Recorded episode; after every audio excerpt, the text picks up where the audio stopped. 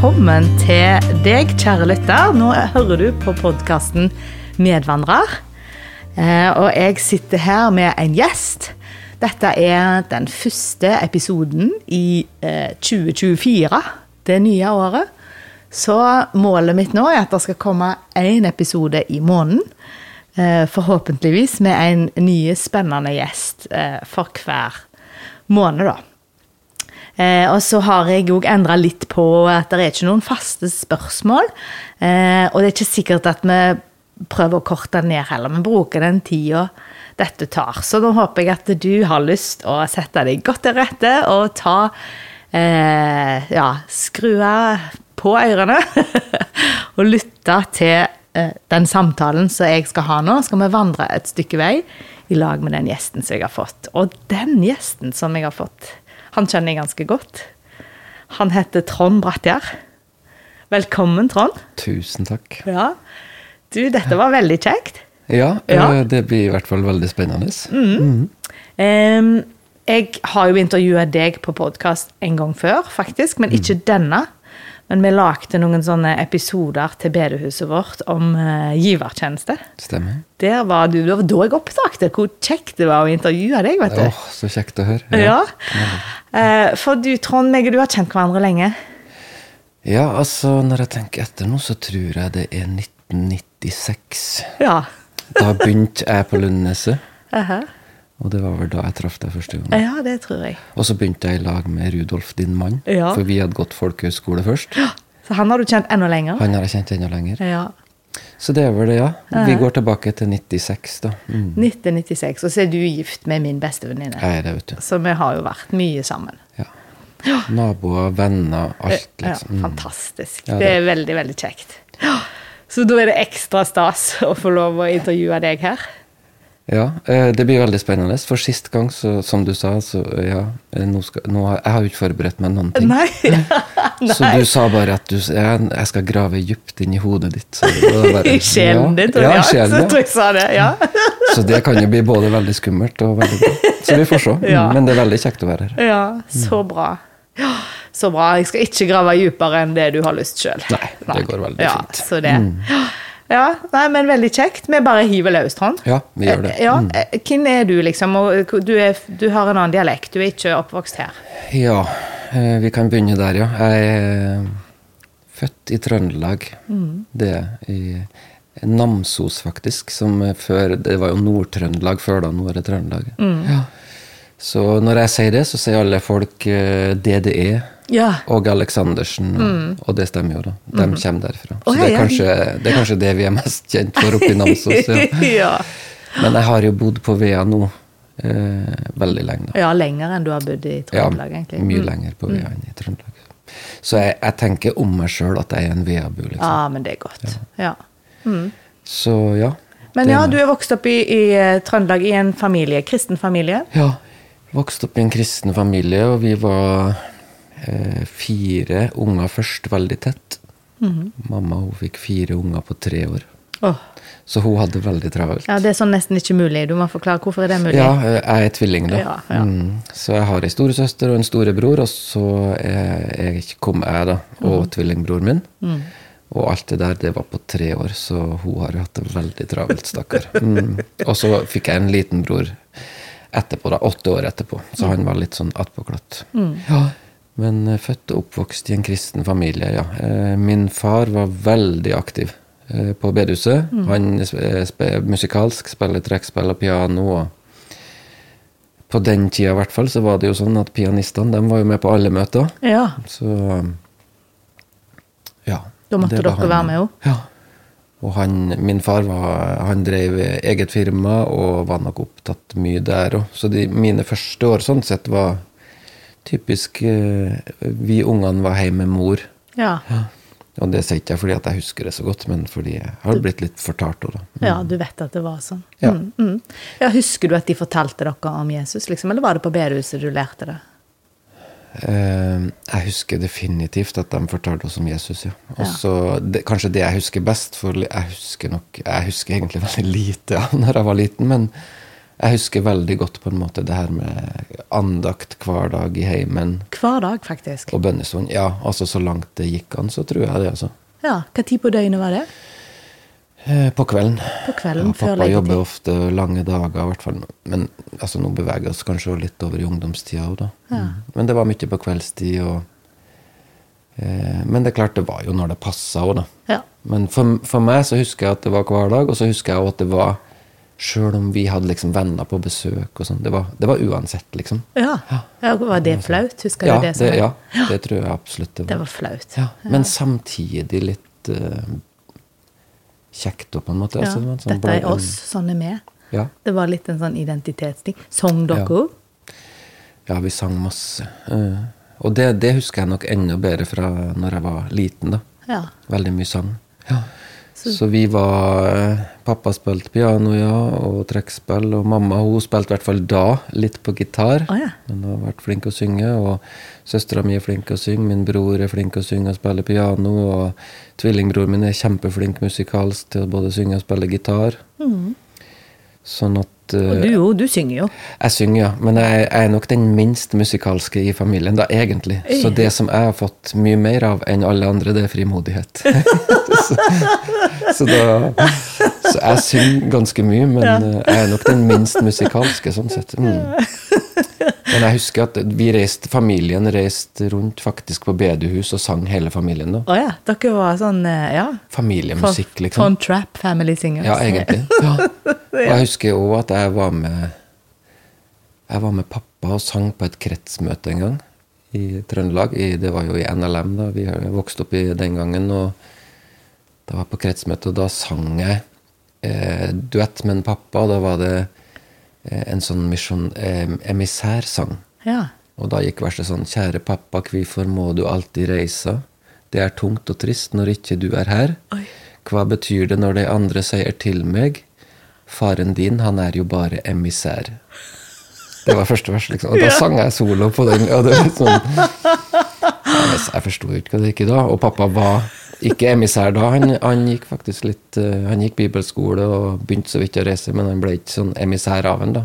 Nei. Men da var liksom det en framføring på kretsmøtet der. Og det er et veldig godt minne, egentlig. da. Ja. Så, Så artig. så jeg var nok veldig med, og jeg syns nok at det var veldig kjekt å være med og synge. Og Ja. likte meg litt i sentrum, egentlig, tror jeg nok kan Ja. si. Mm. Så Ja. Husker du liksom at det var noen punkter der du tok et standpunkt 'jeg vil være en kristen', eller bare glei det over, liksom? Altså at du alltid, alltid bare har jeg tror nok at det på en måte bare alltid har vært der, egentlig. Mm. Eh, men det har ikke alltid vært like lett. Det har ikke det. Nei. Men jeg, jeg, jeg husker veldig godt i ungdomstida Altså, jeg var nok Når vi ble konfirmert, så kom et sånn veldig skille, husker jeg på. Da var jo vi flytta til Stjørdal, en annen plass, men vi var på en måte Ja, vi, var, hadde mange venner, mm. i hvert fall jeg og min tvillingbror. Og når vi ble konfirmert da i Trøndelag, så var det litt sånn at når du var konfirmert, da, du, da kunne du begynne å drikke og feste etterpå. da. Okay. Eh, og da ble vi veldig mye mer alene, husker jeg. Ja. Ja. Så siste, siste året på ungdomsskolen så var det nok en vold Altså, min søster og min bror hadde gått folkehøyskole, flytta vekk på internatskole da. Og det ble nok òg veldig sånn at jeg fikk veldig lyst til å flytte vekk. Fordi vi merka veldig i vennekretsen at siden vi ikke eh, gikk på fest Nå skal jeg snakke for meg sjøl, at siden jeg ikke gikk på fest, så så, så kjente jeg veldig på at eh, eh, ja, det ble mindre tid med venner og sånt. da. Og så jeg tror jeg tror ikke det var noe sånn at det var eh, vondt, men det var bare sånn jeg gleda meg veldig til å komme. ja. For dere ble ikke mobba for at dere var kristne? liksom? Eh, nei, jeg har, ja, jeg har blitt litt mobba, men det var òg en spesiell hendelse. Det var eh, sa, i ca. samme tida. Da var Det var på bedehuset på Stjørdal, så min far var jo med i styre og stell der. Og da hadde de invitert eh, det som ble kalt abortprestene den gangen, Børre Knutsen og Ludvig Nessa, Ja. til å komme. Og de var, eh, de var veldig kontroversielle i den tida i trøndelagsområdet. Kanskje spesielt fordi at eh, kvinnegruppen Ottar og Kvinnefronten eh, slo seg nok litt sammen. Og det jeg forteller nå, det er bare hva jeg husker som en ungdom. Det må jeg si, da. Ja, for du var en ungdom, og dette kan ha vært i hva kan det ha vært da, 94 eller Ja. noe sånt? 95, ja. 94, Noe 95, sånt? Noe sånt. Mhm. Og da drev de og aksjonerte? Da drev de aksjonert rundt på norske sykehus, og de var jo veldig kontroversielle. Eh, eh, også min far var i bresjen på bedehuset, og, og på en måte var jo Vi var jo veldig bevisst i abortsaken, Ja. eh, vi som hørte på bedehuset. Og At dere var imot abort? de var imot fri abort. Og, og vi ville Eller han pappa, da, han, eller bedehusstyret den gangen, ville ha dem på besøk på bedehuset for å på en måte ha eh, både gudstjeneste, husker jeg, og seminar om abort. Om temaet. Om temaet, liksom. Og dette ble eh, veldig haussa opp i media. Eh, opp i, og, i og rundt uh, Stjørdal, der jeg bodde, når de skulle komme. Var dette i ei kirke? Det var i et bedehus. et bedehus i Stjørdal? Og så ble det bare eh, sånn at da ble det voldsomme demonstrasjoner mot den, eh, den helga, da. Ja. Egentlig bare Det ble jo den første dagen, sånn som jeg husker det, da. Men i hvert fall så gjorde jo det at eh, vi skulle på gudstjeneste klokka elleve. Og, og da, når vi kom ned til bedehuset, så var det det var tjåka med folk eh, rundt overalt ut forbi. Å ja. Ja. Og det var demonstranter. Så da sto de med plakater, og de sto og ropte. og Altså de som var imot abort? De som var imot, Mot- Ludvig Nessa ja, og Børre. Knutsen. Mm, ja. ja, de som var for fri abort. Man Ja. hadde jo fri abort for lenge siden. Det ble jo innført i Det ble innført i 1979, når jeg og du ble født. Faktisk. Stemmer.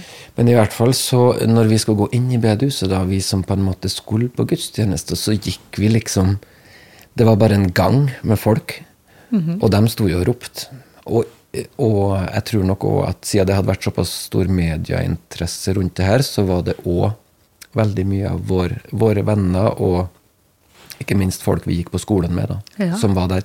Du blir jo litt eh, ofte sånn at folk blir tiltrukket når det skjer noe. Ja da. Mm. Og øh, vi gikk jo inn der, husker jeg, vi bedehusfolket, og satte oss. Og så ble det, det har jeg blitt fortalt etterpå, da, at det ble gjort en sånn avgjørelse fra dem som styrer oss, eller at øh, de skulle slippe demonstrantene inn, for de ville jo inn. Ja. Og det var det jo ikke plass til i hele tatt. Det var, vi, det var jo fullt med kristenfolk som satt i stolene, så alle demonstrantene de sto jo bare, men det pressa seg sånn på med folk at til slutt så var hele huset bare fullt av folk som både satt og sto. da. Så demonstrantene sto fram på scenen, de sto i midtgang, og, og de sto overalt. Og så på en måte var det nok veldig Det jeg tenker er åndskrefter i dag, da. Men det var veldig sånn de sto og de sto og ropte sitt budskap. Sjøl om vi starta gudstjenesten, så bare fortsatte de på en måte. da. Oh, ja. Så de sto, og de, jeg husker de hånsang på en måte kristne barnesanger. Så Veldig sånn spesiell opplevelse. Jeg tenker i ettertid at har dette skjedd i Norge, liksom. Mm. Ja. Men det som skjedde da, var at uh, Husker på de starta, uh, starta og, og jeg, jeg tror det var navnet Jesus som skulle synges. Og da går han Øystein Bliksås, som var en av dem som styrer, han spilte trompet, liksom. Så han, han, han klatra opp på flygelet og sto og spilte trompet. Så da sto vi, eh, forsamlingen sto og sang eh, Jeg tror det var navnet Jesus. Og så Han sto opp på flygelet og spilte trompet, og så sto det demonstranter og ropte og håna litt. og Veldig spesielt. Mens dere sang? Mens vi sang, på en måte. Mm. Så det var på en måte ikke respekt for, eh, for gudstjenesten som skulle være? Nei, overhodet ikke. Og det som skjedde her, da, det var jo at i hvert fall det jeg er blitt fortalt, er at det- det kom en drapstrussel da, på Ludvig Nessa, som skulle ha den gudstjenesten, og da kom politiet inn og bare hente han ut. Og det var jo mye politi på utsida fra før, altså de på en måte visste jo litt hva som kom da. Så når de drog han ut, så på en måte var jo bare Ja. Da var gudstjenesten litt over, og så eh, Ja kom vi ut. Jeg husker at eh, da hadde de rip, de hadde ødelagt bilene. eh, Flere biler hadde blitt ødelagt, og hevet jord og moll over det ripa det opp og putta ting inn i eksospotter. Det var liksom Men jeg husker at når vi gikk hjemmefra, det var jo på en måte det som var poenget, at etter det, etter det så ble vi nok litt mobba, da. På Men- skolen. Ja, ikke på skolen, men på vei hjem fra skolen. Det er i hvert fall det jeg husker. For Da sto de og ropte etter oss, liksom. Ja. Men jeg har liksom aldri følt at Jeg har aldri følt meg som et mobbeoffer for det. Da. For det er klart at jeg hadde jo mine søsken. Ja. Blant annet min tvillingbror, som jeg gikk i lag med, på en måte. Sånn at jeg har aldri følt meg alene. Nei. Sjøl om jeg har blitt litt mobba, kanskje. Da. Men, ja. Men det òg var jo en episode som kanskje gjorde at jeg gleda meg veldig til å Til å komme, komme meg vekk, egentlig, da. Sjøl om jeg bærer ingenting nag til verken ja, der jeg bodde eller skole. Eller jeg husker jo at jeg hadde kristendomslærere som I dagens målestokk så var de nok litt vel tøffe etter å prøve å ta en, en ung gutt med et kristent livssyn. Det tror jeg kan si med ah, ja. Men jeg var òg veldig glad i å diskutere, liksom. Ja. Sånn at eh, jeg tenker at egentlig så la jeg litt opp til det sjøl. ja. Det var den frimodigheten. Det var den frimodigheten. vet du. Sånn at Så eh, kult. Ja. Så det var Ja. Ja. Men i hvert fall eh, så Da eh, når jeg var ferdig med ungdomsskolen, så var det liksom det å gå på folkeskole som var tingen. For det hadde alle i familien min gjort. Mor og far gikk på Rødde folkeskole, søstera mi gikk på Rødde folkeskole, og storebror min gikk der. Så da skulle jeg du jo det. Ja, da skulle jeg det. Ja. Mm. Onkler og tantler, tanter og eh, farmor og farfar har gått der. Og, Alle gikk på Rødde. Hele slekta, faktisk. Jeg tror det var en sånn Det gjorde du i Trøndelag. Ja. Mm. Så da gikk jeg der et år. Uh, Altfor tidlig å gå på folkehøyskole når du er 16 ja, for nå i dag gjør de ikke det. Nå Nei. er det etter videregående at man vurderer folkehøyskole eller bibelskole eller Ja. kan si med den erfaringa jeg sitter på i dag, at det var altfor tidlig for en Trond Brattgjerd å gå på folkehøyskole. Ok. Hva mener du da? Skal jeg, kan jeg grave litt her? Ja, nei, altså jeg tenker Vi var 82 16-åringer som på en måte flytter hjemmefra. Og så er jo eh, folkehøyskolen er jo bygd opp litt sånn at det ikke er et stramt regime i forhold til skole eller sånne ting. Nei da, det er litt Sånn at hvis du ikke ønsker å bry deg så mye om uh, både fag og ja, sånne ting, så gjør det ingenting, på en måte. da. Nei. det får ikke noen konsekvenser. Nei. -hmm. Og det kan du trygt si at det grep jo vi med hud og hår. Hvilken Ja. linje gikk du på, Trond? Jeg gikk på eh, villmarksliv Ja, og ja, idrett. ja. Og, sånn, og jeg er jo så glad i det. Sånn at eh, når jeg ser tilbake, så er det kanskje det og jeg liksom Jeg kunne ha utnytta den linja så mye bedre enn hva jeg gjorde. Ja, Men du soste det vekk i å rangle om nettene og ja, ja, sånn ser jeg på det i dag. bare ha det Og så betyr ikke at det var verdiløst. Jeg fikk jo mange gode venner der, blant annet din mann. Ja. Eh, og så gjorde jeg meg nok mange erfaringer der òg, da. Ja. Som på en måte er selvfølgelig er bra, men jeg skulle veldig gjerne gått den linja igjen. Og liksom, ja, brukt det for alt det var. Men du mista ikke trua di? Mista ikke trua mi på Jeg var jo aktiv med i sang og, og møtevirksomhet når jeg gikk der òg. Mm. Eh, Så, eh, så det har nok på en måte alltid fulgt meg litt, kanskje at det å være med aktivt i arbeid, det bevarer òg, på en måte. da. Ja. Og det vil jeg egentlig si helt fram til i dag. ja. At uh, er sånn på personlig plan og på hjemmeplan så eh, kan det gå, både gå litt opp og litt ned, på en måte. Mm. og det, sånn opplever jeg at de fleste sier. Mens det å få være med aktivt i et arbeid, det er på en måte Det er faktisk Det bevarer, altså. Det har i hvert fall bevart meg, da, tenker jeg. Mm. Og det gjorde det òg gjennom folkehøgskolen. Ja. Men det var litt opprør. Ja, det var opprør. Definitivt. Ja. Mm. Sånn at eh, Ja. Teste grenser. Teste grenser. Og det som kanskje var like dumt med det, var jo at når jeg da eh, fortsatte videre på internatskole, for da for jeg på Lundeset, da traff jeg deg Mm. Eh, og kona mi, eh, og gikk tre år på eh, internatskole der, så klarte jeg egentlig aldri å hente inn igjen. Jeg fortsatte bare på den leiren jeg var reist på. Ja, du var tre år på leir på Lundeneset. Ja, det, ja, så da ble det fire år på leir til sammen. Og det er jo ganske flaut å si, egentlig, men, men det er veldig sannheten, da. Ja. ja, og på den tida så hadde ikke Lundeneset så mange linjer, så vi gikk jo allmennfag. Eh, Ja. studiespes, heter det vel Vi gikk allmennfag, og vi Jeg tror Jeg husker i hvert fall, og det kan jo du også være med å huske, at vi, de hadde en sånn Pedagogikken var litt frihet under ansvar. Ja, det var Reform 94. Ja. Så du skulle liksom ta ansvar sjøl, og da fikk du en frihet. Og for å si det så, jeg var ikke klar for den friheten i det hele tatt. så jeg, jeg burde jo egentlig ikke gått på Lundneset, sånn faglig sett. Men jeg fikk meg jo en fantastisk kone der. Sånn at jeg tenker jo i ettertid at det var så verdt det. På Men- livets skole. Livets skole. Det- Faglig så sett så var det helt bortkasta. Ja, for, for du, egentlig så gikk vel du, det som er flere vi ler litt av det, som sier så har gått tømrerlinja på Lundneset? Ja, jeg gikk tømrerlinja på Lundneset. Og det er jo litt løye, for de har aldri hatt ei tømrerlinje på Lundneset, men det er litt mange som har, som har gjort det etter hvert. Ja, og det er òg mange som jeg gikk, og som var veldig mye med meg, Mm. som har blitt tømrere, faktisk. Så det sier vel litt om den gjengen jeg gikk i òg. Dere var håndverkere og ikke akademikere. Flere ble håndverkere. Så det var mm, Eh, Men nå er du blitt akademiker òg. Jeg har blitt akademiker òg. Og det var jo Tok litt lengre tid, bare. Det tok tid. Men eh, det som var at jeg fikk jo på en måte fire år hvor jeg gikk i et kristent miljø. da. Og det var veldig godt for meg. Det var veldig trygt for meg. Ikke minst i forhold til at jeg var umoden, som eh, jeg tenker at jeg var. Eh, jeg har vært Jeg har nok vært umoden veldig lenge, på en måte, da.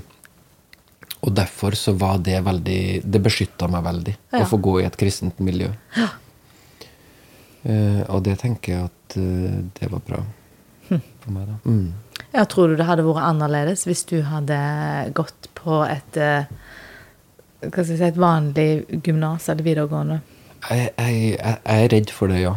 Men det blir jo bare spekulasjon. Ja. Men, jeg, men jeg er faktisk eh, redd for det, ja. At eh, så umoden som jeg var, så var, var det nok viktig for meg å gå i et beskytta miljø. Når jeg gikk på Lundnes også, jeg var jo med, jeg, jeg, på, jeg sang på møter, jeg deltok på en måte aktivt i alt sånt. Ja, det husker jeg.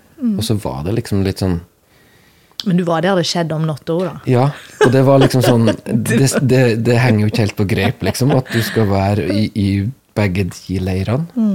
Men på den tida så jeg reflekterte ikke noe over det, liksom. Nei, det var bare sånn det var. Det var bare sånn det var. Og, og, og det er jo òg Det er jo òg litt flaut å si, på en måte, men ja, det var liksom bare Liv og lære hang ikke helt i sammen? Nei, definitivt. Ja. Mm. Så, Nei, men det er vel litt sånn vi har røynt livet etter hvert. Ja, Jeg gjorde jo, jeg ja, gjorde jo absolutt den erfaringen Ja. sjøl der inne. stemmer det. Så eh, mm, Og så tror jeg det er noe sånn eh, mellommenneskelig som du lærer på internatskole, som du ikke får noen andre plasser. da, Med å leve det sosiale livet. Sånn at eh, det er ikke bare negativt alt. Nei, og det er jo, jeg tenker det er jo, hvis vi skal tenke et livsløp, da, de årene man eh, Det er vel fra man er 16 til man er Eller ja, 16 til 18, eller 15, 16 til 18-19. Det er ganske viktige år for identiteten vår, og liksom at det former oss, da. Eh, De årene ganske mye. Eh, Og det er kanskje den tida man mest Iallfall var det i vår tid løsrive seg fra hjemmet. Mm. og på en måte skal finne ut av hvem vil jeg være. Og, hvem, ja, og, og da er jo de man samhandler med, venner, eh, spiller ganske stor rolle. Absolutt.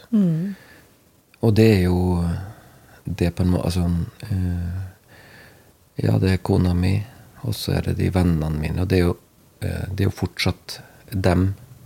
Eh, mine nærmeste venner er jo veldig mange av dem som jeg gikk på Lundneset med. Ja, Mm. faktisk. Ja. Sånn at det er helt sant som du sier, at det Og jeg er så ja, uendelig takknemlig for på en måte både venner og, og kona mi, da. For, mm. Ja, for vi, vi blir på en måte Jeg tror det gjelder egentlig alle livsfaser. At vi, vi blir litt til i møte med andre. Mm. Eh, at, at det er på en måte en del av eh, livet, da. Mm. At andre er med å påvirke oss og forme oss. At det er en, naturlig ting. Absolutt. Ja. Og jeg merka Siste året mitt på Lundneset, da var altså hun, eh, Kona mi Åse hun gikk jo i lag med deg ett år før meg. Så hun var på en måte ferdig med Lundneset når jeg hadde ett år igjen. Og det var sånn eh, Jeg husker det siste året mitt. Da var jeg veldig ferdig med Lundnes. Altså. I, I hodet. Jeg var veldig klar for å slutte, egentlig. Så bare der og det siste året på Lundnes så burde noen sagt til meg at uh, nå er det Nå bør du finne på noe annet å gjøre, gutten min, burde noen sagt til meg da. Men uh, ja. Jeg husker jeg gikk ut av Lundnes og, og siste dag og tenkte at uh, Yes, nå er jeg endelig ferdig, på en måte. Så da, da begynte nok å våkne litt i meg at uh, jeg kasta bort livet mitt, på en måte. da, sånn uh, Ja. I forhold til skole og sånt. da. Og da var, var jo jeg innkalt til militæret. Stemmer. Eh, Men eh, heldigvis da så var jeg så ung og naiv at jeg gikk ned på kne og fridde til kona mi den sommeren. Stemmer. Etter Lundneset. Og hun sa heldigvis ja. Eh, Og så for jeg inn i militæret. Og, og et år jeg hadde veldig godt av etter fire år på leir. Ja, da- Med bare kristne venner, på en måte, så hadde jeg noe veldig godt av det året, sjøl om jeg syntes det var helt forferdelig til tider sjøl. Mm. Hvor var du hen? Jeg var på Evjemoen, eh, på Evje. I Eh, og jeg skulle i Garderekrutten, da. Oh, ja. Så jeg skulle i Garden. Ja. Jeg lengta jo sånn hjem, vet du. Eller hjem, ja, hjem og hjem. Jeg lengta sånn til, egentlig, til Åse, da. Og ja, her på Vea, egentlig, sånn sett. Ja. Eh, hvor jeg på en måte hadde blitt ganske vant med å være her i ferie og sånt. Så etter en liten stund på Evje så søkte jeg meg over i arbeidskompaniet. da. Det er dem som er i leiren og jobber. Mm. Og da ble jeg oppvasksjef på kjøkkenet der. Det var den eh, jobben jeg fikk. Og da vaska jeg opp eh, etter måltid da, for eh, over 1000 mann tre ganger til dagen. Men da fikk jeg turnus. Ei uke på, ei uke av. Ja, stemmer. Så da kunne jeg liksom reise hit til Vea eh, når jeg hadde uke av, og så jobba jeg nattevakter på, på Skjell på Bygnes. Ja, stemmer. Så det Altså, du har hatt godt uh, bruk for det der senere. Jeg har sett deg som oppvasksjef i aksjon mange Ja, ganger seinere ja. i livet. Absolutt. Og der har jeg kvaliteter. Ja. Så det er veldig, veldig bra. Ja, Så der ble du eh, skjerpa opp både med på en måte ut av kristenbobla, da. Ja, og, lærte at, eh, disiplin og Ja, jeg husker når jeg kjørte Det var faktisk Åse og Kristin, ei venninne av oss, som kjørte meg inn i militærleiren. Mhm. For de skulle ut på ferie. Og jeg, jeg grua meg så vanvittig. Og jeg, var, jeg ba så mye til Gud Mhm. om at uh, nå må du la det være andre kristne der, liksom. Mhm. Jeg hadde jo vært fire år med kristne rundt meg på alle kanter, og jeg, og det, jeg var bekymra da, altså. ja. Men eh, jeg ville jo ikke vise det til noen. Så det var liksom sånn, ja, jeg bare ba og ba, ba om at det, la det være andre der. Og jeg kom inn i militærleiren, og da bodde jo, vi bodde jo på tolvmannsrom. Og når du er i militæret, så går du Da er det sånn kristen eh, møte som heter Soldatlaget. Likt som skolelaget, på en måte, bare i militæret.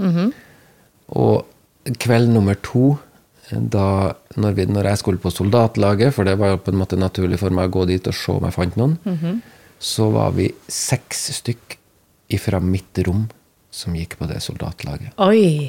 Og det vet ikke jeg om eh, Jeg har aldri hørt om andre som har vært i militæret, som har bodd på et tolvmannsrom hvor 50 Nei. gikk på et eh, Det var bønnesvar. Det var bønnesvar. Og det tenker jeg den dag i dag. Og jeg tenkte da òg at åh. Og han ene hadde jeg til og med truffet litt før. på en måte. Så, Ja. Så det var Nei, det var store ting, det, da. Og så gikk militæråret, og det var ja, Jeg, venta egentlig bare på å bli ferdig med det, og at jeg skulle gifte meg sommeren etterpå. For jeg har også avtalt at da skal vi gifte oss, liksom. Så 21 år, eller det året jeg fylte 21, så gifta jeg meg etter militæret. Mm. Ja. Og det var jo den vanlige tingen å gjøre. Ja, det Det- var ja, da, fall i vår kultur. Og, De fleste, jeg tror vi gikk i fem bryllup den sommeren, Ja. og fem bryllup sommeren etter det, og seks bryllup. Altså, det var Ja, helt vanvittig ja da, ja med bryllup. Det var mange som gifta seg da. Ja. Så ja. Jeg er veldig, veldig glad for det. Aha, Og så har dere fått eh, har ikke, Jeg har ikke sagt det. Hvor mange unger har du fått, og har, eh, hvordan har livet Ja, vært? jeg, har- jeg har fire unger. Mm, fått fire unger.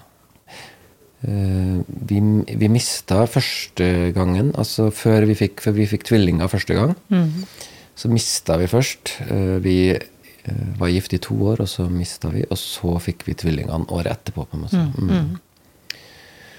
Og jeg var så sinnssykt stolt når mm. tvillingene kom. liksom, Å, herlighet. Det holdt på å påføre liksom, å, ja, det var gutter, og så var det Det var ikke at jenter betyr noe mindre, men det var bare sånn. Og så, og så var jeg, jeg tvilling sjøl. Ja. Og liksom, å, det var så stas Ja, at det var ja. tvillinger. Ja, det er utrolig. Og, nei, det første å være med og få unger første gang, det er Ja, ja utrolig stort. Ja, det er helt Fantastisk. Jeg husker det veldig veldig Mm. godt. Ja, husker det veldig godt. Så i det, da, så I den tida der så hadde jeg begynt å Jeg hadde jo, jeg hadde jo ingen utdannelse da, så jeg hadde begynt å tømre. Mm. Litt tilfeldig hvordan jeg begynte med det, men eh, jeg tømra, hjelpearbeider. Mhm. Åse jobba i barnehage. Mm. Og så fikk vi to nydelige gutter, da. Mm.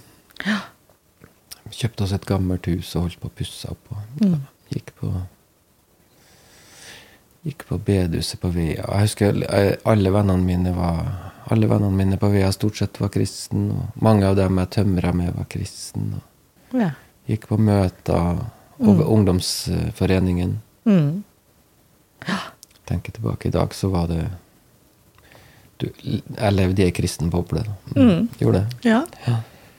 Eh, til og med etter eh, fire år med internatskole, liksom, så, Mm. så gjorde jeg det. ja. Men det var veldig Nå når du har blitt over 40, vet du, og kikker tilbake, så blir det jo litt sånn åh, Ja, 40. Vi blir 45 i år. Ja, vi blir 45. Ja, vi er snart 50, skulle jeg si. Vi kan snart begynne å telke Mm. på det tallet. Ja. Jeg, jeg føler ikke sånn sjøl, jeg er ikke så opptatt av alder, da. Men når jeg begynner å tenke tilbake, og spesielt med ungene, ja. så kjenner jeg liksom at det Årene har liksom gått. ja. Mm. Utrolig. Tida har gått fort. Tida har gått kjempefort. Mm. Ja. Ja, og det er jo litt interessant da, på en måte. For eh, du sier liksom du var i den kristenbobla. Er, er du ute av den nå? Siden du på en måte Nei, altså Har du vært ja. ute av den, eller? Vet du, det som var, var at jeg jobba jo som tømrer i ca. ti år. Mm. Og så eh, Da begynte jeg å slite sånn med ryggen min, eller kroppen min, i forhold til det yrket, at jeg måtte finne på noe nytt. Mm. Eh, og så endte det litt tilfeldig opp eh, med at eh, det ble Nordsjøen, da. At jeg reiste ut i Nordsjøen. Eh, da hadde jo vi fått nummer tre, og Åse var høygravid med nummer fire. Altså Kristian kom etter tvillingene Sivert og Jakob, og så var det jo Lina som kom til slutt. Ja. Men da begynte jeg å jobbe i Nordsjøen når Åse var høygravid ja, med Olina. Eh, og da, da kom jeg ut av kristenbobla, for å si det sånn. I Nordsjøen? I Nordsjøen, ja. Ja. Og det var nok Det har nok hatt en del å bety for meg, egentlig. Da. Eh, på godt og vondt. Mm. Men, eh, men veldig viktig for meg i dag å komme, å komme ut der. Jobba åtte år i Nordsjøen. Eh, Jeg kan, altså, når du jobber i Nordsjøen, så jobber du jo to uker eh, hvor du reiser ut og er der, og så er du fire uker hjemme. ja. Var du sånn røffnekk, er det det? Ja, jeg var røffnekk. Ja. Utrolig tøff tittel. Ja. ja. det er tøff tittel. Ja, og veldig tøff jobb. Jeg var veldig det er jo glad egentlig i det. Ja. eh, Jeg var veldig glad i arbeid i høyden, henge i sånne seler og jobbe og Ja, veldig sånn fysisk arbeid. Da. I hvert fall når du er på en gammel rigg. Jeg starta på en veldig gammel rigg, og da jobba jeg bare med dem som var røffnekker i lag med var skotter. Oi. Så jeg snakka engelsk hele dagene, og, Mm. og det, skottene er jo veldig artig Mm. å jobbe i lag med. Mm. Litt på godt og vondt med skotter, sånn som det er med oss alle, men, Mm. men ja. Så det var veldig sånn Mm. Tøft arbeidsmiljø. Men jeg, jeg likte, arbeidslivet likte jeg veldig godt. på en måte. Ja.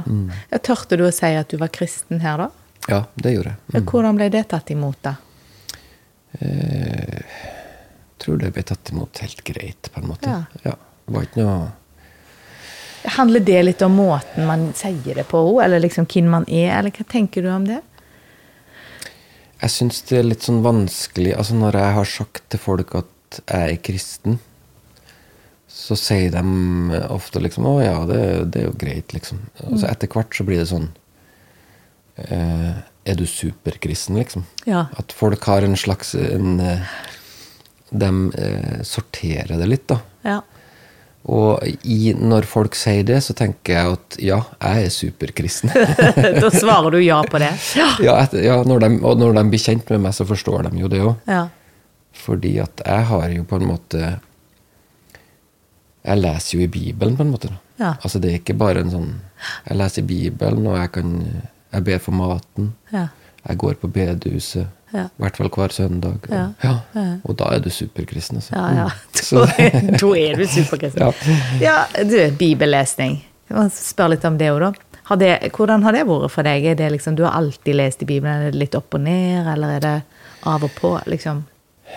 ja, jeg vokste opp med eh, Mamma og pappa ga oss liksom bibelleseplan. og Prøve å få Prøve å få rytme på det, prøve å få fast. Mm. Og det har nok vært veldig av og på for min del allikevel. Mm. Så sånn sett så var det kanskje eh, lettest når jeg var på en måte da ungdom og hadde bibelleseplan Ja. eh, som jeg fulgte. Eh, også på en måte kommer livet med småbarn og det, og hvor eh, Det var en som sa det en gang, at når du er småbarnsforeldre, så er du i en unntakstilstand, og det er jeg veldig enig i. da. ja. Eh, Livet raser litt av gårde, og du Men eh, Og da kommer du tilbake til når jeg sa det her, at det å være aktiv i et kristent arbeid bevarer deg, på en måte. da. Mm. Og sånn har nok jeg følt det òg i den småbarnsfasen. Mens nå når ungene mine begynner å bli store, så merker jeg at jeg får tida på en måte til å De er ikke så avhengige av meg lenger, og jeg, jeg får bedre tid. Mhm. Og jeg på en måte òg uh, kjenner litt at Gud roper litt mer på meg òg, kanskje. ja. Og det er ikke noe sånn overåndelig med det, men det er bare at eh, det føles veldig godt. Ja. rett og slett. da. Eh, så Ja, for jeg husker at jeg syns dere har vært for, forbilledlig flinke å ta med ungene på møter og sånn.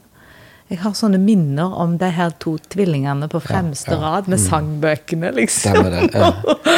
Ja. Og, og det var sånn jeg, jeg jeg klarte ikke å forstå det, for mine unger satt jo ikke fint. Altså, Nei. Mine unger sloss, og liksom så satt dere der på fremste rad med åpne sangbøker. Og det var sånn For å si det så, det er nok eh, mange som har kommentert det. da. Men det, det må sies at det handler ikke så mye om oppdragelse, som sånn, det handler nok mye om ungene. på en måte. Ja da. ja. at, hvordan de Ja. Så for å si det så, han nummer tre til oss, han likte å sitte helt bakerst. Ja. Mm, ville helst ikke gå. Ja. Mm. ja da. Så, og jeg tror at eh, vi, vi var nok veldig bevisst og snakka om at vi ville ta med ungene våre på møte. Ja. Og det begynte vi med fra de var baby. på en måte. ja, dere gjorde det. Og det tror jeg nok har gjort at de to eldste, som var som de var, de satte seg bare på fremste benk, dem. Ja. Og så fikk de veldig mye oppmerksomhet av det. ja, de fikk mye skryt. Og, Og veldig mye sånn, liksom, ja. Eh, eh, og det tror jeg det, De satt nok der fordi de helt fra de var liten var med på møter, og møteuka. Så de gikk på møter hele tida ifra de på en måte lå i bagen. Og da blir det jo litt sånn at dette blir heimen din. Ja. De, du føler deg veldig trygg der. Og mm. og Åse sa vi, vi på en måte var aldri noe sånn Du må eh, du må være med, eller noe sånt, når de var små. liksom. Det var bare en naturlig del at de var med oss. Sånn var det. Ja, og de to de ville sitte fremst. Og de, så lenge de ikke var urolige og ødela, på en måte, så, så var det greit for oss at de satt der, da. Ja. Mm. ja, det er jo Unger får jo Eller liksom Det er litt interessant det du sier, da, om at de får fått, positiv oppmerksomhet rundt det. da, sant? Ja. Og da gjør de mer av det. Ja. Det er jo litt sånn det. Jeg tenker det er litt, litt, litt likt hvis du står på i idrettsbanen og på en måte heier ungene for ros ja. Der. Jeg er litt sånn usikker, faktisk, fordi at jeg ser han nummer tre til oss. Der var det nesten litt motsatt. Ja. At han likte ikke oppmerksomheten verken på fotballbanen eller på Nei, nei, nei, ja da. Så vi er kanskje litt forskjellige òg. Ja Men, men han var i hvert fall sånn eh, Det som jeg tror, da, og som jeg kjenner igjen fra min egen barndom òg, er at det er klart jeg sto Jeg var ofte fram der og sto og leda, eller sang, kanskje. Mm. Og det er i hvert fall sånn jeg tenker på i dag, at min far var et veldig forbilde for meg i forhold til det. da. At, uh, at han, han, han, sto, han satt fram der og sang og spilte piano. Og når du er liten gutt, så har du alltid lyst til å være lik din far. på en Ja, måte. ja. Det Og så blir de ungdommer, og så har ikke de lyst til å være lik far i hele tatt, på en måte, og det må alle igjennom. Men i hvert fall når jeg ser tilbake, så er jeg veldig glad for det forbildet jeg hadde der. da. Og det tror jeg nok jeg har vært for mine sønner òg, da. Og, og datter etter hvert. Syns faktisk det er ikke sikkert ja, det med den fasen med at vi ikke vil være like. Og du har alltid vært flink til å framsnakke din far og dine foreldre, faktisk. Det syns jeg ofte jeg kan huske at liksom du Ja. Han pappa sier at, liksom. Ja, stemmer. du refererte ja. han. Ja. Og dere snakket om ting. Ja, vi har, han, jo pappa har vært liksom veldig dere- åpen med oss, Ja, og mamma og for så vidt. Eh, Og, og det er jeg veldig glad for. Ja, for Fordi det var heller ikke gitt med vår generasjon, altså med foreldrene våre. Det var ikke, de var ikke vant med å snakke om ting. Nei. Og På den pappa er veldig åpen om åndelige ting. Ja. Og så har jeg opplevd pappa veldig åpen om vanskelige ting. Ja. Og det har vært veldig godt, da. Fordi at eh, livet treffer oss jo på Uansett hvem du er, og sånn, så treffer livet oss. Mm. Og kan være vanskelig i perioder. Og på forskjellige ting. Eh, vi er ikke like. Og Mm. det har pappa vært åpen med oss om, og ja, egentlig mamma òg. Mm. Sånn at, eh, og det er jeg veldig glad for, da. For, og det gjør òg at man ønsker å videreføre det. da. Mm. Så jeg tror jeg er litt bevisst i at jeg ønsker å snakke med mine unger òg om det. da. Mm. Men at det ikke skal bli sånn terapeutisk, eller eh, at nå skal du høre her, gutten min. Nei. Ja. Men bare rett og slett snakke om hva som Ja, hva- som har vært vanskelig, og hva som har vært lurt og ikke lurt, og hva som Ikke minst eh, i min vandring med Jesus, da. Mm. Og det er sikkert litt derfor jeg sitter her nå, kanskje. Ja. At det er på en måte Det er veldig naturlig for meg, å Mm. Jeg føler ikke noe Jeg føler ikke at det er på en måte at jeg trenger å prestere eller sånn, da. Nei. Ja, for Hvis jeg kan spørre litt om det, da. Hva er det som har kjennetegna din vandring med Jesus, Trond? Hva er det, hvis du skal beskrive det forholdet? Ja, eh, ja, vi på en måte For å dra en sånn sveip kjapt tilbake, så var det jo det her at jeg har alltid følt det veldig trygt. Eh, jeg har alltid vært et Guds barn, på en måte. Ja. Og jeg har nok, som jeg sa, når, når, jeg, når jeg sier at jeg er umoden, så har jeg nok levd i barnetru veldig lenge. Ja. Eh, men eh, alltid hatt et veldig behov til å Jeg vet at jeg trenger å høre Jesus til, på en måte. da. Ja. Det har vært med meg hele livet. Så når jeg begynte å jobbe i Nordsjøen òg, og, og jeg, eh, så på en måte fikk jeg voldsomt syndenød, da. ja. Og det er en sånn veldig For din egen del, eller? For min egen del, Ja. ja. -huh. og, så, og det hadde jeg absolutt trengt å hatt før den tid òg, men jeg tror bare at jeg, jeg var ikke moden nok, rett og slett. Jeg vet ikke, I hvert fall så, i Bibelen så står det jo at Den hellige ånd skal overbevise om synd. Ja. Og for å si det så, det var i den tida, og nå snakker vi jo, nå er jo jeg blitt 30 år, sant? Ja. Og da kom det veldig. Ja. Og jeg tenker jo at jeg har vært kristen hele veien, da. Ja, Men jeg har en sånn veldig sånn Nesten litt sånn frelsesopplevelse, da. Men jeg tenker kanskje mer på at det å få komme til Gud på nytt, da. I, I den. I, i 30-åra. Ja. Hvor jeg på en måte ble veldig hjelpeløs. Og trengte Jesus, da. Eh, Så hva som beskriver min vandring med Jesus, jeg er litt usikker. Jeg tenker sjøl at jeg har Jeg har vært veldig heldig, på en måte. Mm. Jeg har fått hatt det godt. Jeg har møtt egentlig lite motstand. Velsigna, kan vi si. Det Ja. er et bibelsk ord om det, på Ja. en måte. Å være heldig og ha det godt og Ja. beskytta. vært beskytta, ja. Og, og så, jeg tenker jo ofte ja, det, Du har hatt det lett, på en måte, tenker jeg sjøl. Mm. Og så er det liksom Det er jo litt Man på en måte løfter jo ofte fram dem som har hatt det litt tøft og Mm. måtte ha kommet seg gjennom ting. Det har ikke jeg måttet, da, men jeg, Mm. jeg håper jo at uh, hvis jeg møter tøffe ting, så Mm. Eh, Jeg er nok oppdratt og har òg levd veldig i takknemlighet til Gud. Mm. Og det prøver jeg å lære ungene mine. Mm. Så jeg husker pappa sa til meg du må, det viktigste du kan be om i, i, i, i livet, liksom, Mm. For livet ditt, det at han viser deg hvem du skal gifte deg med. Så det ba jeg om. Og, og, og uten at jeg egentlig Det er jo først nå i ettertid jeg forstår. eh, hvorfor du bør be om det. Men jeg ba mye om det. Liksom litt sånn, bare sånn Ja, pappa har sagt at det må jeg be om, så det ber jeg om. Ja. Og så ba jeg mye om det, og så nå ser jeg jo hvor utrolig velsigna jeg er i den kona jeg fikk. Og så har jeg Det har liksom på en måte modnes litt i meg at eh, jeg trenger å takke Gud for alt. Mm. Og det prøver jeg å lære mine unger, da. At, uh, å takke Gud. Jeg husker pappa ba, og det ber jeg sjøl i dag, takk for mat og drikke, hus og heim, på en måte. Mm. Og det er jo bare sånn helt I Norge i dag trenger vi å takke for det, liksom. Og jeg er veldig sånn ja. Mm. Og når ungene var små, så jeg og Åse, vi liksom, når vi satt rundt matbordet og skulle be, så diskuterte vi litt hvordan, hvordan skal vi lære ungene våre å be. Mm. Og så tenkte vi øh, Jeg husker ikke hvordan vi kom fram til det, men om vi hadde hørt det en plass, eller hva, det vet ikke jeg. Men i hvert fall så ble det sånn at nå skal alle rundt bordet si én ting de er takknemlige for. Ja. Og så ber mamma eller pappa til slutt. på en måte. Og det syns jeg var i ettertid en utrolig fin ting. da. At uh, ungene nå får på en måte lov til å si takk, Jesus, for familien min. Og så hadde vi det veldig sånn at hvis du ikke har noe, så bare hopper du over. liksom. Da sier du ingenting. Mm. Alle har på en måte alltid takka for noe, på en måte. Og det syns jeg er veldig sånn fint. og ja.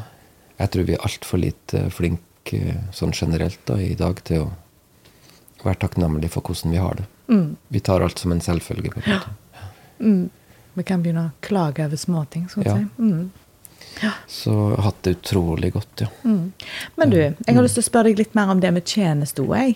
For Ja. du, du engasjerte deg liksom litt tidlig. Du var formann i bedehuset og fikk litt sånne synlige posisjoner. ja. Litt tidlig, før mange av Eller ikke, ikke før vi andre var engasjerte, men en var engasjerte. Men vet ikke, du, tok du tørte å ta sånne roller. Ja, det er den der frimodigheten, vet du. Jeg, jeg, når jeg tenker tilbake på det, så er det jo litt sånn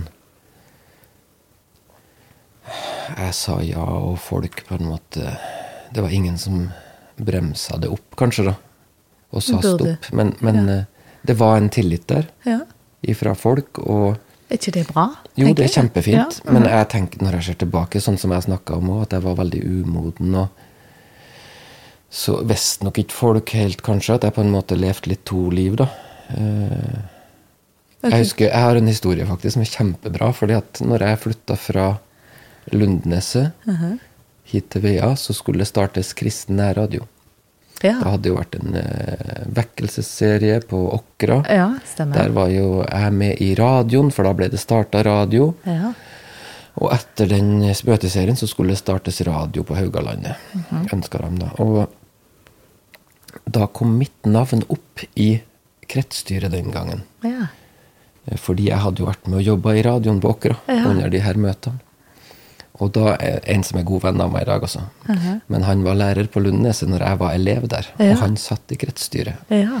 Og da har jeg blitt fortalt etterpå at uh, det ble sagt da at eh, når mitt navn kom opp, eh, så ble det sagt ja, jeg vet jo godt hvem en Trond er, så det hadde jo vært fint om det var flere som var med.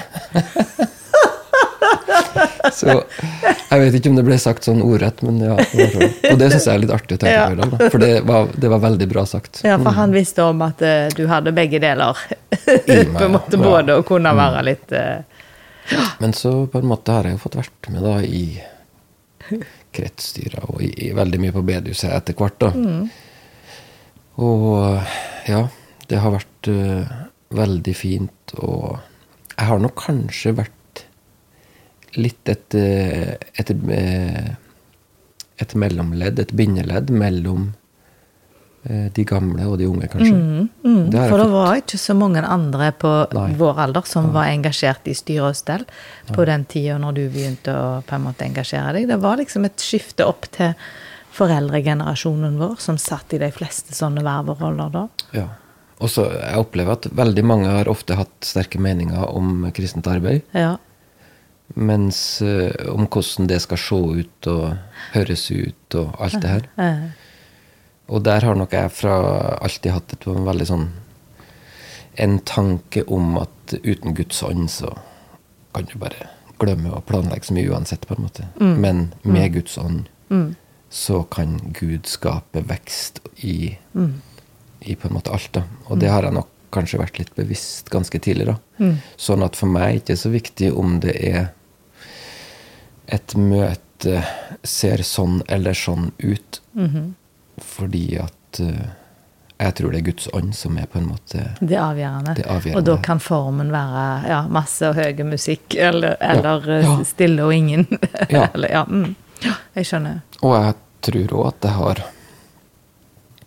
godt belegg for å si det. på en Ja, måte. jeg er Altså, veldig eh, enig med deg. Det har vi jo erfart. Vi har sant? erfart det, rett og slett. Ja, At liksom det går an å sitte på møter, og, og på en måte det er enkelt, Yes. Uh, og, så- og så opplever man å bli møtt av Gud. Mm. Gjennom tale eller gjennom sang som ikke var helt stemt, eller eh, Stemmer harmonisk. Altså, for Gud kan bruke alle ting. Mm. Ja. Absolutt. ja. Så når det er sagt, så vi, vi, vi har det jo veldig kjekt nå.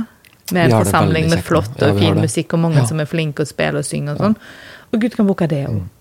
Ja, og det er veldig viktig for meg å på en måte si det her at det ikke Mm. Det er ikke den ene eller den andre sida på en måte som eh, Det er nok derfor jeg kanskje har blitt sittende litt i midten nå, da. Mm. At uh, når det kommer til sang og musikk, f.eks., så tror jeg at en forutsetning for å på en måte skape et miljø hvor du lar sang og musikk blomstre fram i tida, da, spesielt når ungdommen får lov til, til å, å synge og spille, da, så må du være raus, på en måte. Eh, og det ser jeg veldig tydelig på Vea. At, uh, og sånn sett så er jeg superglad for Vea Bedus, som på en måte har vist en raushet som gjør at det er vel ingen bedehus som jeg kjenner til i hele Norge som har den stammen med folk innenfor sang og musikk. da. Og det ser jo ut som det bare popper opp nye hele veien. Ja, det er jo et, er et eh, Guds under, på en måte. Fantastisk. Så sjøl om jeg er veldig ydmyk i det, så vil jeg nok òg si at bedehuset og de eldste på bedehuset har vært veldig rause. Ja det har de. Det er helt Og så tror jeg nok òg at mange kanskje vil si at de ikke er enig med meg i det, men vi må huske på at uh, vi alle har på en måte ting å jobbe med, og Ja, ja. at dette kan ta tid på en måte da. Både se og Ja, både se og på en måte la seg sjøl få lov til å kanskje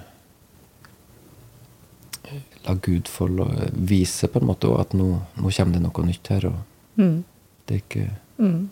det er ikke noe skummelt farlig, på en måte. Nei. Mm. Jeg vet med meg sjøl at jeg har ikke Opp gjennom tida så har jeg gjort og sagt mye feil, på en måte. da.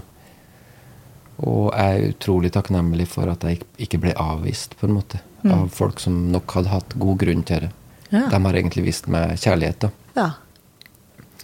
Eh, og og raushet. Ja. Eh, og overbærenhet, helt sikkert. Og der har nok min, igjen min far spilt en viktig rolle. da. Mm. Han, jeg, han har jo på en måte vært pukka nødt til å være glad i meg, han. som far. Så derfor, så gjennom alle feil jeg har gjort, så har jeg på en måte alltid møtt som på en måte veiledning med kjærlighet, på en måte. da. Ja. ja, for det er jo noe, det å få lov å gjøre feil, Ja. da, på en måte. Men det høres ut som du har gitt deg sjøl slack til det òg, på en måte. Det er vel en ting som er litt sånn endra i kulturen vår i dag. Føler jeg at de unge er veldig sånn Alt skal være rett første gang. Eller jeg vet ikke, hvis du Forstår du hva jeg sier? Ja. ja. Altså, Jeg er jo blitt lærer nå. Mm. Etter jeg jobba i offshore i åtte år, og så er jeg blitt lærer. Og, og det er klart det pedagogiske der, det syns jeg jo er veldig interessant Mhm. og fascinerende. Mm. Og så på en måte tenker jeg jo sjøl at jeg har litt livsvisdom på det feltet. Mm. Du har For jeg har jo virkelig prøvd å ikke bry meg om skolen. Og, altså, Mm. ja. Eh, Sånn at, eh, og der tenker jeg at jeg er veldig glad at den skolen jeg jobber på, der er det der har vi et ordtak som heter feiltastisk. Mm. oh ja. Feiltastisk. Ja. Jeg tenker Dette er jo overførbart til kristenlivet òg. Altså, Gud er en gud som Ja. tåler feil, Ja. på en måte. Altså, ja. Og det, det er det som er helt fantastisk med på en måte pedagogikken nå, syns jeg, da, i hvert fall som jeg får lov til å praktisere i dag, at du har på en måte ramma, som er Guds ord, men så har du kjærligheten rundt der, da, som på en måte blir feiltastisk, Ja. med den ramma. Mm. Og ramma, den skal ikke vike, den er fast, den. Ja. Men det er kjærligheten på en måte som favner Ja. bredere enn den ramma, da. ja. Sånn at uh, vi skal få lov til å stå frimodig på Guds ord, liksom. Og si 'dette er ramma', dette er det Gud har tenkt for oss. Ja. Og det er det beste uansett, på en måte. Ja. Men sjøl om du bryter ut av den ramma, Ja. så kommer på en måte Guds kjærlighet og vil hanke deg inn igjen. da på en måte. For du er ennå en ganske konservativ fyr i forhold til de rammene, da? Eller? Ja, eh, jeg syns det er kjempe... jeg- jeg- Og, og hva som ligger i konservativ, det syns jeg er vanskelig etter hvert. Men Ja. jeg er nok det. jeg, er s- som jeg sa, dem som mener at noen er superkristen, så er jeg nok det. Ja. du er det. Men jeg er nok ikke sånn konservativ i Ja, jeg vet ikke. Ikke Vet du, vi er, vi er vokst opp på en måte ikke i form, men i innhold. Ja. Ja, jeg er veldig konservativ i innhold, kanskje. Mm, kanskje det er form. rett å si. Mm. Mm, ikke. Men Trond, én ting til da jeg har lyst til å liksom grave litt mer Ja. Mm. i kristenlivet ditt. Ja. Liksom nå. Hva er det som kjennetegner liksom ditt forhold til Jesus nå? Hvordan, hvordan har du det? Du sa noe om den perioden med syndenød og sånn som det. Er det liksom forbi, eller er det Utforsker du nye ting, eller er hvor liksom Hvor er du hen? Ja, altså eh, Jeg kan si det, da, at etter den episoden eh, Eller etter at det skjedde der når jeg jobba i Nordsjøen, at jeg fikk så voldsom syndenød, så har jeg nok fått levd veldig med en trøst i historien med kvinnen ved brønnen. da. Ja. eh, blitt en veldig trøst for meg, på en måte. Akkurat den historien. At hun kvinna med brønnen, hun Hun på en måte kommer ut der, og i hvert fall sånn rent menneskelig, da, så Så er det klart at eh, alle kan jo se at hun har synd, på en måte. Og hun vet det veldig godt sjøl. Derfor så sniker hun seg ut til brønnen på et tidspunkt hvor ingen andre er der. Og så møter hun Jesus, på en måte. ja. Og jeg kjenner meg veldig igjen i det. Altså. At uh, etter å ha snakka med Jesus der, og etter å ha møtt Guds tilgivelse, så springer hun inn igjen til byen, liksom, for å vitne. Og hun, det, hun, det hun på en måte roper når hun springer tilbake, er jo Jeg har møtt en mann som har fortalt meg alt jeg har gjort. ja. Og det på en måte er litt mitt Jeg, jeg kjenner meg veldig igjen i det hun gjør, da. Ja. For jeg, er sånn, altså, jeg har møtt en som har fortalt meg alt jeg har gjort. Altså, alt er åpenbart Ja. for han. Og det er ingen tvil om min stilling innenfor Gud, liksom. ja, der har du gjort feil. Der har jeg gjort feil. Jeg er sjanseløs. Og i det så vokser det fram det her at jeg trenger en frelser. Ja. Og jeg tror nok at eh, der er mitt kristenliv fortsatt. Enk, altså, det høres veldig enkelt ut, men, men samtidig så får man nok òg leve i en sånn veldig sånn trygghet, da. At uh, det er godt nok, på en måte. Det som Jesus har gjort, det, det er godt nok i fleng, på en måte. Vi kan ikke gjøre det bedre sjøl, eller pynte på det, skal jeg å si. Og i den tilliten så får dagene mine lov til å gå opp og ned, på en måte. Ja. At av og til så har jeg det som føles som gode dager, av og til har jeg det som føles som dårlige dager. Ja. Men det står fast. Og når du blir, etter hvert som du blir voksen, da, så blir nok det på en måte en sånn trygghet etter hvert. Du, du føler deg veldig trygg. Og, ja. Så Og så er det det her og, og i, i livet, da, at du Jeg lever jo i en jobb hvor jeg har, treffer folk som ikke er kristen.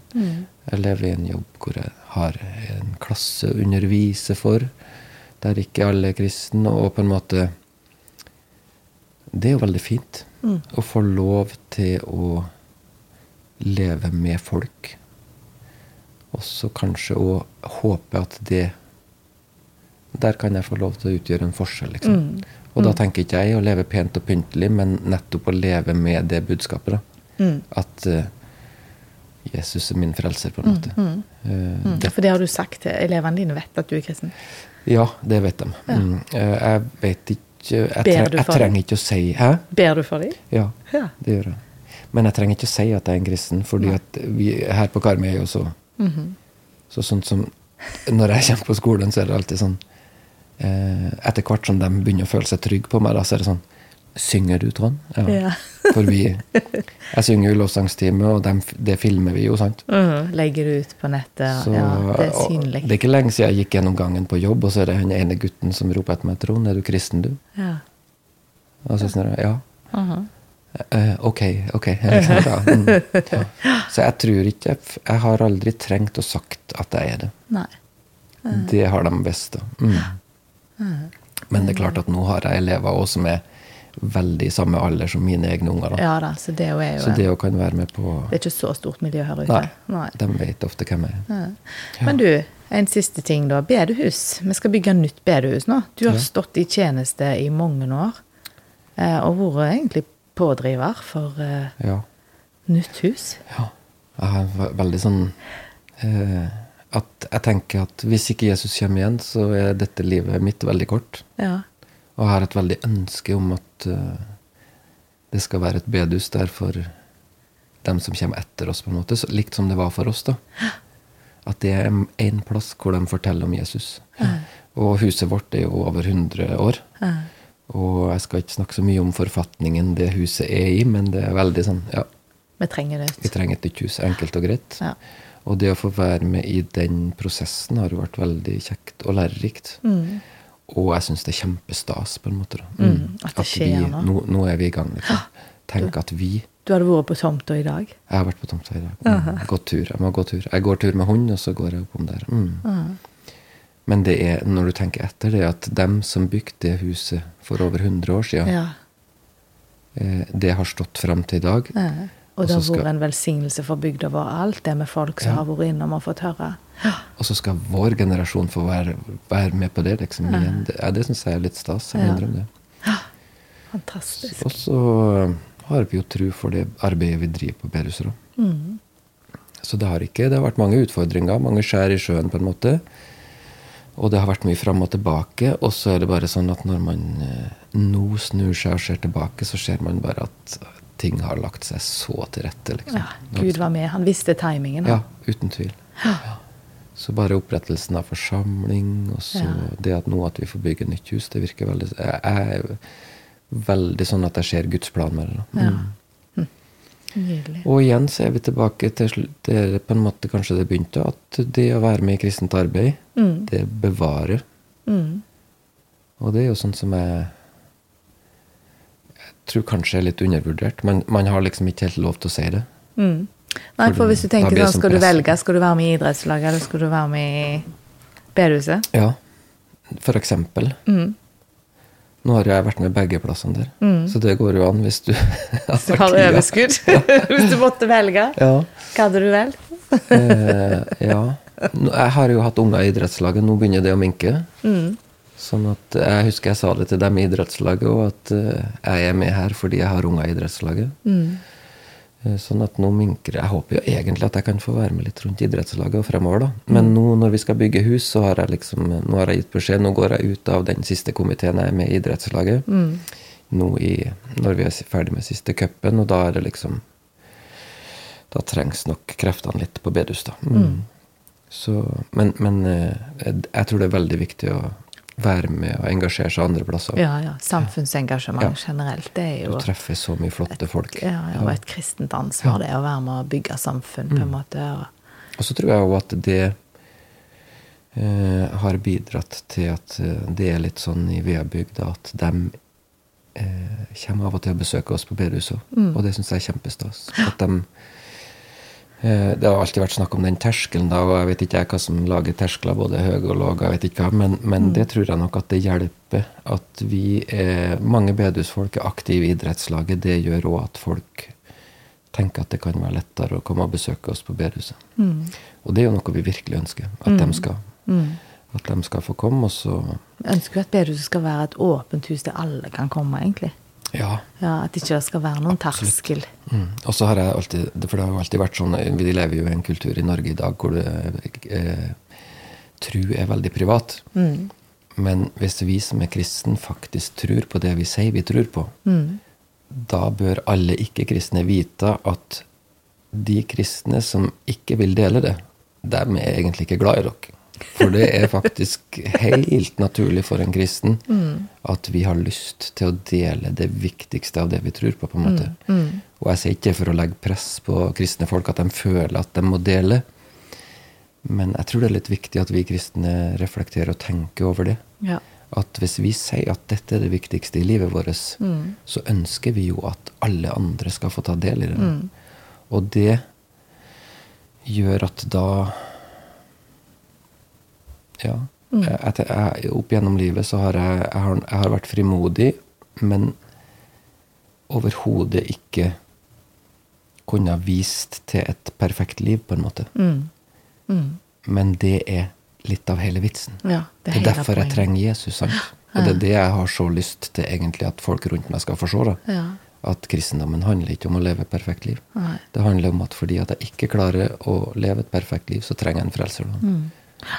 Det, det kan hende vi trenger mer frimodighet på å tørre å invitere med oss folk. på en måte. Invitere inn i, i bedehuset. For jeg tror det er mange som tenker litt at vi er en klubb, på en måte, med, eh, og at det passer ikke for meg, og sånn, og jeg passer ikke inn med deg. Men at det, vi ønsker jo at det skal være veldig sånn åpent for alle.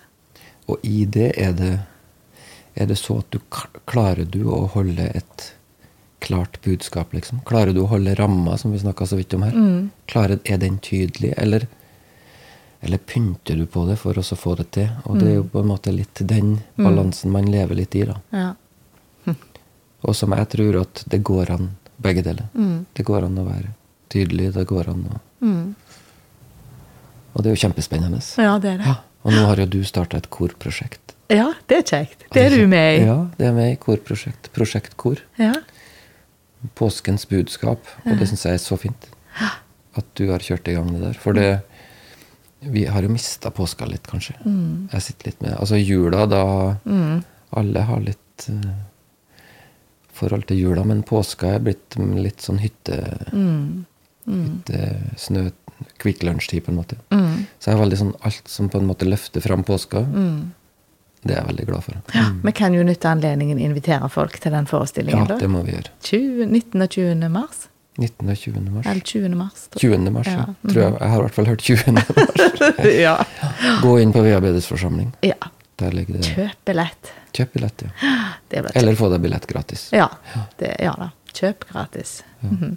Så nå kan jeg si det at nå inviterer jeg alle på jobben min. Ja, Så får vi, for da kan vi teste om noen faktisk hører på den podkasten her. det kan du Hvis da. de, ja, Da er det noen som har hørt. Ja, ja, det Ja, for det er litt sånn Det er kjekt. Mm, om de har holdt ut til helt til slutten. Om de holdt ut. Har vi snakka lenge? ja. Ja. Nei da. Helt flott. Eh, Jeg lurer på om jeg kan få lov å be for deg til slutten. Det skal du absolutt få lov til. Mm. Ja. Da gjør vi det. Takk, takk for at jeg fikk komme. Ja, jeg veldig kjekt. Ja. Mm. Da, kjære Jesus, jeg har lyst å takke deg. Jeg har lyst til å takke deg, Jesus, for at eh, For at du har vært i lag med oss i denne samtalen. Jeg har lyst til å takke deg for at du kjenner oss inn og ut. Eh, Jeg har lyst til å takke deg for han Trond. Jeg har lyst til å lufte han framfor deg nå, Herre. Jeg har lyst til å takke deg for at eh, du har plassert han her på Veabygda. Takk for alle velsignelsene du har gitt i hans liv. Og Herre, jeg bare ber om at du fortsetter å øse dine gode velsignelser over livet hans. Eh, Og Herre, jeg ber om at du fortsetter å utruste han til å være med i tjeneste, og ja, til å la han få lov å være eh, et lys for deg der som han er. Jesus, jeg ber for familien hans, og for ekteskapet hans, og for hus og him og planer, Herre, for bedehusbygging og for ja, alt det som han står i. Herre, bare jeg ber om at du velsigner han rikt. Ber om at du leder han steg for steg med livet hans. Takk for at du elsker han, og takk for at du har skapt han akkurat sånn han er. Og takk for den frimodigheten du har gitt han. Eh, takk for at du har ledet han steg for steg, og at han har fått lov å være i din tjeneste. Eh, og ber bare om at du fortsetter å bruke han, og lar han få være til velsignelse for omgivelsene sine der han er, både på jobb og i bedehus og i idrettslag og på alle arenaer, Herre. Legg han i dine gode hender og ber om din velsignelse over hans vandring videre i lag med deg. I Jesu navn. Herren velsigne deg og bevare deg, Trond. Herren løfter sitt åsyn på deg. Herren gir deg av sin nåde, og Herren gir deg av sin fred. Amen. Amen. Tusen takk. Ja, sjøl takk. Takk for du som lytta på. Så høres vi igjen. Hei.